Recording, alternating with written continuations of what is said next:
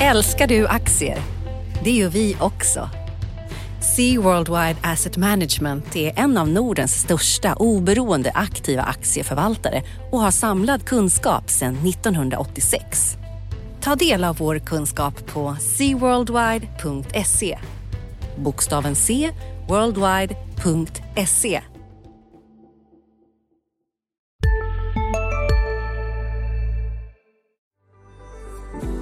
IG är en globalt ledande tradingmäklare och ett solklart komplement till trading som du når enkelt via datorn eller mobilen. Via IGs pålitliga plattformar når du 17 000 marknader och kan därigenom investera globalt mot aktier, index, valutor, råvaror och kryptovalutor. Ser du en möjlighet på marknaden? Ta chansen att hoppa på den genom att ta en position med IG. Öppna ett konto på bara några minuter. Ladda ner appen eller besök ig.com. Kom ihåg att handel med finansiella instrument alltid innebär risker. ig.com Analyspodden från Dagens Industri. Hejsan allihopa och välkommen till veckans avsnitt av Dagens Industris analyspodd där vi pratar om eh, pengar och politik och räntor och börs och alltihop. Eh, det beror på lite vilka som sitter, vid, eh, sitter i studion. Den här gången är det jag Ulf Pettersson som håller på mest med börs och som mitt emot mig har jag Nils Åkesson som håller på mest med makro får man säga. Eller vad säger du Nils? Hej Uffe! Jo, men det stämmer ju ganska bra tycker jag. Bra! Och vad tycker du eh, från din horisont och vad ska vi avhandla den här veckan? Jo, jag tänkte att vi skulle prata om stekheta svenska konjunktursignaler, eh, kopparpriset på nytt rekord och att USAs finansminister Janet Yellen som, eh, att hon skrämde slag på börsen. Eh, Precis. Och, sen så ur ditt perspektiv, eh, lite mer marknadsnära, vad tycker du vi ska prata om? Jag tycker vi borde prata om de här rörelserna vi har sett på börsen senaste veckan. Vi har haft eh, en riktig hårsdag och en riktig bäsdag och eh, överhuvudtaget stora rörelser, större rörelser än i, i Stockholm än övriga världen också tycker jag. Och så kanske vi får prata lite, lite allmänt börs och lite vad som händer framöver. Mm. Men ska vi, ska vi börja, börja då eh, uppifrån och ner höll jag på att säga, alltså med, med makro på något sätt. Vad är, du pratar om starka inköpschefsindex här, vad, är, vad var det för särskilt som hände i veckan egentligen? Jo, eh, om vi backar till helt snabbt till förra veckan eh, då fick vi ju överraskande starka tillväxtdata som handlade om årets första kvartal eh, då Sveriges BNP ser ut att ha växt med drygt 1 procent. Det var oväntat hög fart eh, på BNP i stor kontrast mot exempelvis euroländerna som istället hade minustecken framför BNP för andra kvartalet i rad. Och den här veckan då, ovanpå det här så fick vi inköpschefsindex som gav en lägesrapport för början på andra kvartalet. Det står nu klart att industritemperaturen i Sverige i april krossade alla förväntningar och lyfte till hetaste nivån sedan 94. Eh, även tjänsteföretagens optimism steg ordentligt i april eh, i deras inköpschefsindex då. Och kanske framförallt deras anställningsplaner blir allt mer offensiva. Och det är ett styrketecken för, för återhämtningen på arbetsmarknaden. Då. Men eh, industrisidan där, det är, där är det alltså stekhett just nu. Men det var ändå blandade känslor att läsa eh, den här rapporten för april. Eh, kan du gissa varför Ulf? Eh, kanske har något med lager? Ja, eh, det är, de här, eh, det är den här inflationsoron som vi har pratat många Mm. gånger om i, i den här podden. För samtidigt som industrins orderingång då i april var, var faktiskt den starkaste någonsin eh, sedan man började mäta på det här sättet eh, Eh, så noterades även rekord för industrins inköpspriser. Det är fördyringar, det är brist och det är förseningar för råvaror och komponenter. Eh, halvledarbristen har ju varit på tapeten under våren. Eh, framförallt fordonsindustrin och inte minst Volvo och Scania har ju vittnat om produktionsstörningar och, och så. Men tittar vi globalt så säger även då ett bolag som Apple att de nu känner av det här. Eh, Så vi, vi har nog inte sett eh, de sista rubrikerna om, om det här med, med, med, eh, chip... eh, Nej, Nej, men det är lite intressant från min, från min bild här då, då som läser delårsrapporterna som har kommit här. Den här veckan har det varit lite lugnare än, än förra veckan. Men mm. Tittar man på dem så är ju då rörelsemarginalen, alltså vinstökningen i förhållande till omsättningen är ju jättehög och mycket högre än förväntat och det är rekordmarginaler för nästan alla bolag, eller på att säga. Så den här, pris, den här prisuppgången som du pratar om Nils, har ju inte riktigt slagit igenom. Ja, det fanns en del bolag, Essity, som, som har mycket, mycket massaprispress då, men annars har de liksom kompenserat för det där, tycker, upplever jag. Eh, så det är märkligt vad, den, vad de tar vägen om vi får se det så, så, så senare här, kommande kvartal eller vad som händer egentligen. Ja, vad, vad det, det, här kan ju vara en signal att vi går in i ett andra kvartal där, där det här kommer att kännas vara mer eh, märkbart. Mm. Um, Eh, och det är, frågan är ju då det här eh, i, nästa led, vilken förmåga man har att föra över de här kostnaderna till, till, eh, till konsumenterna. Eh, men jag ville bara nämna att eh, då länka i det här med att vi hade kopparpriset på rekord då en vecka in i maj. De här rapporterna var ju för april. Vi hade även USAs industrisektor då som, som lämnade också ett sånt här inköpschefsindex med lite liknande tongångar. Det går väldigt bra, efterfrågan visar bra drag men, men Eh, priserna på insatsvaror eh, eh, steg. Ehm, och där, just för USAs del så var det tydligt att det inte handlar bara om komponenter utan det var det är industrimetaller, det är aluminium, koppar och stål och så har vi då haft den här rusningen i kopparpriset. Det är ju, det är, det, så det här lär fortsätta.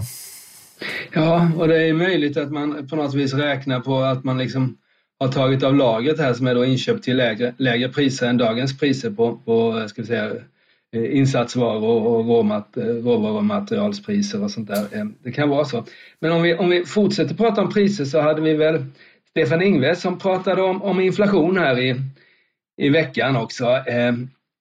och han pratade om att, att vi kanske liksom inte, att det de här gamla sambanden då med liksom att eh, inflationen inte riktigt verkar stämma och jag kan hålla med honom om det där. Vi har en väldigt låg inflation, mätbar låg inflation, men Tittar man på allting annat så stiger priserna enormt. Bostäder, eh, eh, eh, ja, you name it egentligen. Eh, eh, jag tycker att tillräkningarna har börjat bli dyrare igen och de här, de här eh, eh, streamingtjänsterna som folk har i allt större utsträckning också blir dyrare. Så det känns som att den här korgen där man räknar konsumentprisindex inte riktigt överensstämmer med, med hur, hur konsumtionen ser ut idag. Eller vad? Mm. Det är ju eh, eh det, det, är både på lång och kort sikt. På kort sikt så, så eh, kan vi konstatera att vi har haft ett stökigt eh, coronakrisår där konsument, eh, konsumtionsmönstren har förändrats enormt då vi har slutat köpa eh, resor och flygbiljetter eh, och vi har eh, köpt eh, mycket fler streamingtjänster då till exempel och, och, och sånt här. och, och när man ska mäta, så att bara mätningarna jämföra årets eh, priser med ett år tillbaka kan bli jättesvårt när man ska få någon slags samlad eh, bild eftersom vi inte konsumerar precis likadant eh, från ett år eh, till ett annat.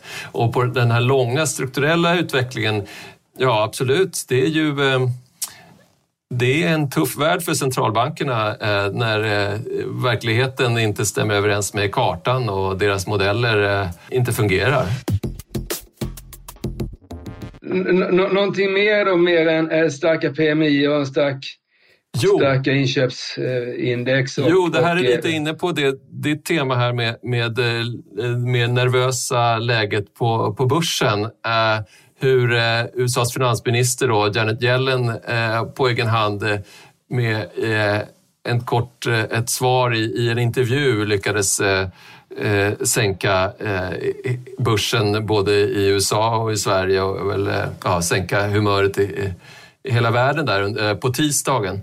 Eh, och det handlar ju om att hon är ju själv tidigare chef på centralbanken Fed och nu är hon finansminister och hon sa i en intervju där på tisdagen att styrräntan kan behöva höjas för att undvika en amerikansk överhettning. Eh, I, I ganska vaga ordalag, men det räckte för att, att, att sänka börserna. Hon blev senare tvungen att, att, gå ut och lägga till att det var ju varken en prognos eller en rekommendation då utan eh, det var ett resonemang på något vis då. Men, eh, och det lyckades eh, gjuta lite olja på, på vågorna där. Men hennes poäng var väl egentligen att hennes Alltså, som, eh, alltså regeringen då, som finansminister, hennes egna storstimulanser i form av krispaket och infrastruktursats, infrastruktursatsningar, de går först och att centralbanken helt enkelt ska höja räntan om eventuella överhettningsrisker skulle uppstå. Det är inga konstigheter egentligen, men vi har den här nervösa miljön där en slags underliggande oro för inflation och tvivel på att centralbanken, Feds hållning att räntehöjningar ligger flera år bort. Det, det ligger där och bubblar. Eh, jag har inte själv läst den här intervjun precis vad, vad Yellen sa, men att hon i det här läget klampar in och pratar lite löst om högre räntor och hetare ekonomi. Ja, det, det var kanske lite eh, osmidigt. Ja, det, sen är det ju, det är ju en, en, en balansgång att göra här. Vi har hamnat i en, som jag ser det i alla fall, en ohållbar eh, ekvation då med, med räntor på 0% i USA exempelvis eller 0 till 0,25 och så har vi då en BNP-tillväxt ett år på, vad är det, 6% bästa på 40 år. Eh, Bank of England kom och höjde sina tillväxtprognoser, tror de satte 7,5 procent i år och, och höll kvar sin ränta på 0,1 procent och fortsätter då med sina, sina eh, stödköp av obligationer. Och det där, det där är ju, vi kan inte, men det, vi har, verkar ha liksom fastnat i en extrem, extrem eh, eh, eh, expansiv eh, penningpolitik. Och man har kvar den för man vågar liksom inte ändra den för då skulle man sätta marknaden i oro och, och få upp eh, långräntan lite. Man är nog lite rädd för att man har liksom tappat skulle man, eh, skulle man göra någonting så kan långräntorna flyga iväg här, att man liksom inte kan bestämma lite. Man kan, så det är, ja, det där är ett läge, jag vet inte hur de ska ta sig ur det där egentligen, hur vi ska liksom kunna förmå oss att, att få liksom normala räntor igen sett till den BNP-tillväxt vi har egentligen. En, en tolkning är ju att det Janet Yellen egentligen gör, det är eh, att bereda marken lite grann. Eh, alltså att hon, hon eh, hon påminner om att det, den låga räntan är inte till för, för börsen eh, utan att, att man ska förbereda sig på att det här inte, den här låga räntan inte varar för evigt. Eh, och att, att, man måste ställa in sig på att, att eh, det kommer eh, högre räntor i framtiden. Det, det, det är väl det som är hennes poäng. Ja. Och det här med låga räntor, alltså de är ju, det skapas ju skadliga beteenden med när det liksom inte går att, att få någon positiv avkastning till väldigt låg risk. Eh, eh, bostadspriserna i Stockholm eller i Sverige kanske, kanske kan vara det, men jag tänker på att de här, vi har nog haft lite sådana här smällar. Eh, den här Sista dagarna nu på vårens stora season sale. Passa på att göra sommarfint hemma, både inne och ute och fynda till fantastiska priser. Måndagen den 6 maj avslutar vi med Kvällsöppet i 21. Välkommen till Mio. Nu släpper vi en ny podd. Expressen Dock. Einar han går in i fel gård, förstår du? Och sen där, en annan skytt jag tror kommer emot honom och, och fortsätter skjuta. Lyssna på premiäravsnittet. Mordet på Einar, det sista vittnet. Med mig, krimreporter Nina Svanberg. Hon började skrika på mig. Backa hon började säga. Vad, vad hände? Så hon bara, han är död. Så jag bara, vad säger du för något? Skrika, han är död. Så sköt honom nu 21 meter. Lyssna i appen eller där poddar finns.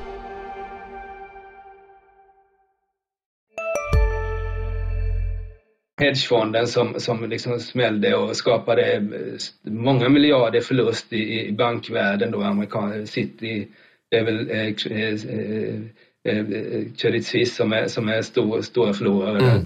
Och, det, och det påminner lite om ska vi säga 06-07 innan finanskrisen här med de här bostadsobligationerna, att man liksom måste hitta på grejer för att få någon slags eh, positiv avkastning. Och då blir det komplicerade instrument. Och nu var väl eh, den amerikanska, det var väl eh, Finansinspektionen, SEC, som var, som var ute och pratade om att man har börjat se då eh, hur sådana här eh, lite udda instrument börjar liksom leta sig in allt längre in och allt större del av marknaden. Och det där, är ju, det där skapar ju en, en, osäkerhet och en risk och någon gång så kan det ju smälla. Och jag tror att det vore nog bra för, för samhällsutvecklingen om, om pensionsförvaltare eh, har något instrument som åtminstone ger, ger infla, täcker för inflationen. Men så är det inte längre när vi har, har räntor, långräntor som är lägre än inflationen. Då, då minskar, ju, minskar ju värdet på placeringarna realt och då måste man ut på riskskalan och då skapas det liksom det skapas det obalanser. Så det där, mm. hade jag varit centralbankschef skulle jag nog lagt in det där lite i, i vågskålen också. Att det är inte det är klart att det är bra med en stark börs för det håller ju liksom ekonomin uppe lite grann. Vi konsumerar och sådär men men det har ju, kan ju få ett pris framöver. Ja, men det hakar väl lite i då eh, det, eh, ditt eh, eh, tema eh, idag eh, Uffe, att ehm, vi har haft en börs som är, har stigit Ja, i alla fall i mitten på april så var den 20 procent upp då från årsskiftet. Eh, men sen några veckor har vi sett eh, större slag och inte minst den senaste veckan då eh, ordentligt ner ena dagen och så snabbt tillbaka andra dagen. Hur ska man, hur ska man se på, på den här utvecklingen? Ja, det är, ganska, det är ganska intressant tycker jag. Vi har haft en, en fantastiskt basår som du säger upp 20 procent och det är vi fortfarande. Men eh, kursuppgången har inte fortsatt senaste veckorna utan vi står liksom där eh, på oförändrade nivåer och, och har då börjat röras, röra oss upp och ner lite kraftigare kring den här nivån eh, jag ska säga 22,50 eller något sånt där på OMX30 och runt 900 på, på, på Stockholmsbörsens index med större rörelser. Och det där indikerar ju någon slags eh, att vi är i något slags brytskede. Antingen att, att vi liksom ska upp ytterligare 10% eller att vi ska ner 10% Men det här är ett typiskt tecken där, där börsen står och velar vilken, vilken fot den ska stå på. Och jag tycker att, att de här rörelserna vi har haft är lite, lite oroväckande och framförallt i Stockholmsbörsen. Vi var ju upp eh, ner 1,8 procent eh, om det var i tisdags och sen så var vi upp 2,8 betydligt mer än alla andra börser i hela världen. I USA har inte alls rört sig i, i, i den här magnituden senaste veckan så jag vet inte vad det är om, om det så att säga alla dessa eh, finanstwitter och folk som ska liksom gå i pension när de är 50. Jag läste någon rubrik i Aftonbladet, var det väl, eller Expressen här, hur man med någon fondrobot kunde bli, gå i pension vid 50. Att det där har skapat, ska vi säga, lite mer eh, eh, eh volatilitet på Stockholmsbörsen, att vi har fler och mer aktiva småsparare som skapar de här rörelserna lite grann. Och sen tror jag det beror också på att vi har fått in Eh, exempelvis Evolution Gaming som är ett av Stockholmsbörsens tio största bolag nu och som väger ganska tungt i alla index, även OMX30 och som rör sig mycket upp och ner varje dag.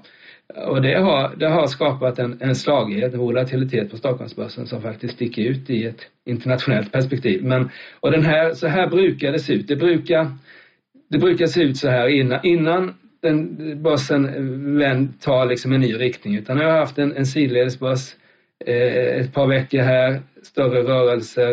Eh, det är, ett, det är ett utbrott som kommer ske och frågan är om det ska ner till 2000 på OMX30 eller om vi ska liksom upp på 2400 eller något sånt där. Och det där tror jag vi får, kommer få eh, besked om de kommande veckorna och det som ska då trigga åt andra hållet det är väl dina, dina parametrar Nils, alltså makroekonomin, eh, ränte, ränteutvecklingen. Nu har vi haft en, en svar, alltså nu har ju räntan gått ner i USA igen. Den var ju uppe faktiskt på 1,70 10 år men är ju nere på 1,50 här. Och då har vi ju fredagens, alltså dagens, eftermiddagens stat, arbets, arbetsstatistik från USA som kan ja. vara en sån här katalysator. Vad är det som vad är det som kommer hända i eftermiddag? Har du koll på det? Ja, alltså eh, förväntningsbilden är ju då, vi har den här månadssiffran för amerikansk arbetsmarknad alltså då, som ju alltid är eh, blytung för, för marknadsaktörer och jätteviktig att hålla koll på.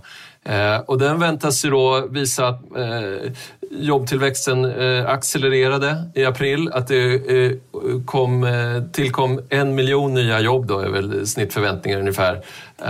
Och det var ju 900 000 jobb som kom till i mars. Och om det då, om den här Ja, det är ett kvitto på att den här starka amerikanska tillväxten, återhämtningen, äh, äh, ångar på.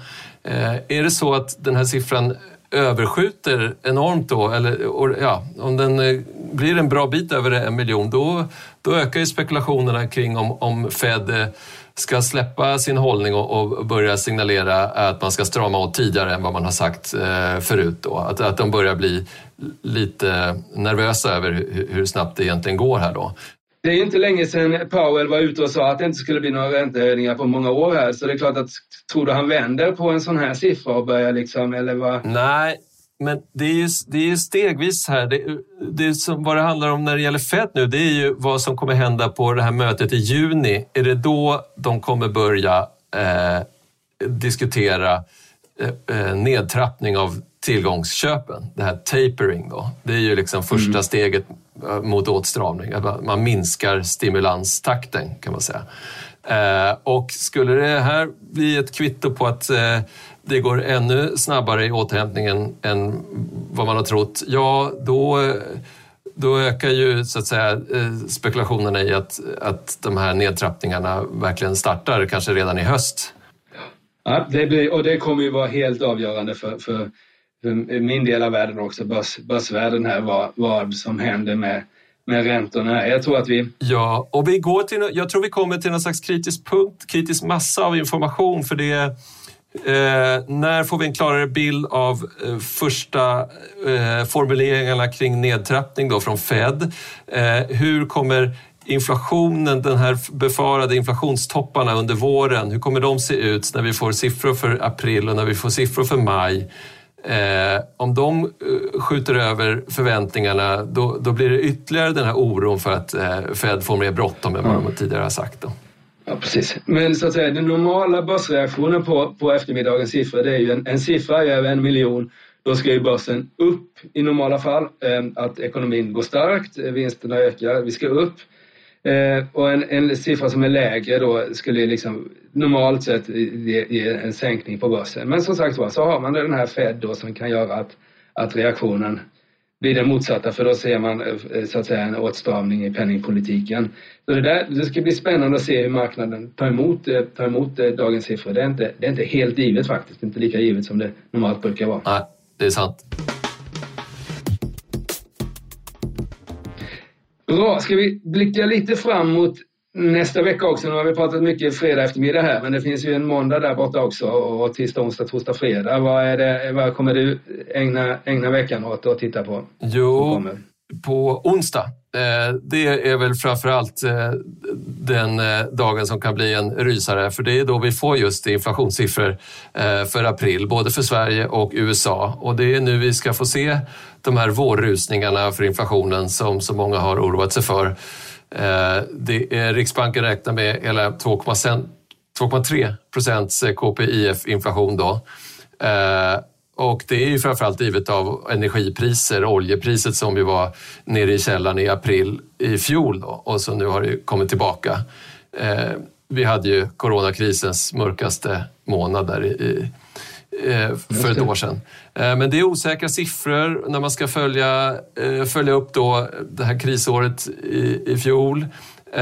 Men blir de högre än väntat, då kommer det ju då att spä på den här Eh, gnagande oron för att eh, det inte är en tillfällig inflationspuckel vi ser utan att det är någonting annat, någon mer beständigt högre pristryck i ekonomin efter pandemin vi har haft. Och, och ja, så det kan bli eh, dramatiskt oavsett om det är centralbankerna har rätt i slutänden, att det här är tillfälligt, eller om de här pessimisterna får vatten på kvarn. Mm.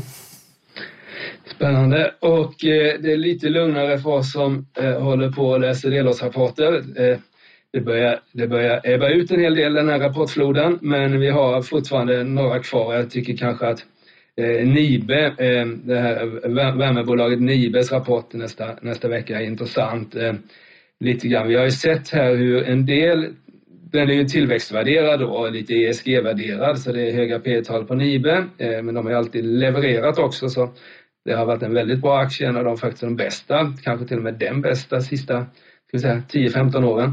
Men eh, det ska bli spännande att se hur marknaden tar emot det där med det höga P-talet som de har. Vi har sett tidigare under rapportperioden hur en, en del bolag med de här höga P-talen och eh, goda tillväxtbolagen har, har så att säga fått mycket stryk, rejält stryk. Sinch är väl den som är ner mest och så har vi fått då eh, Evolution Gaming som har lika högt P tal eh, som har fortsatt stiga. Så det där är lite eh, hur marknaden tar emot. Nibe ska bli intressant att se tycker jag. Och sen så förstås följa, följa all statistik som du pratade om Nils är ju också viktigt för oss som håller på med aktiemarknaden. bra, ska vi låta våra lyssnare gå på helg? Analyspodden här med mig och Nils, men vi har ju andra poddar också. Vi har ju Makrorådet med Viktor Munkhammar, eh, Digitalpodden, eh, Morgonkollen, vår dagliga podd. Och, och, sen så har vi ju... Vi har våra ja. eh, fantastiska kollegor som eh, kan allt om privatekonomi eh, i podden Smarta pengar som man inte heller får missa. Precis, det ska man inte missa. Så ni har att göra. Eh, tack för att ni lyssnade på oss idag och ha en riktigt skön helg. Hälsar vi. Tack ska ni ha. Hej då! IG är en globalt ledande tradingmäklare och ett solklart komplement till trading som du når enkelt via datorn eller mobilen. Via IGs pålitliga plattformar når du 17 000 marknader och kan därigenom investera globalt mot aktier, index, valutor, råvaror och kryptovalutor. Ser du en möjlighet på marknaden? Ta chansen att hoppa på den genom att ta en position med IG. Öppna ett konto på bara några minuter. Ladda ner appen eller besök ig.com. Kom ihåg att handel med finansiella instrument alltid innebär risker. IG.com Analyspodden från Dagens Industri. Programmet redigerades av Umami Produktion.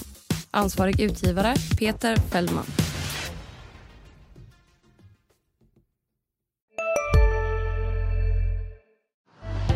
Älskar du aktier? Det gör vi också. Sea Worldwide Asset Management är en av Nordens största oberoende aktiva aktieförvaltare och har samlad kunskap sedan 1986. Ta del av vår kunskap på seaworldwide.se. Bokstaven C, worldwide.se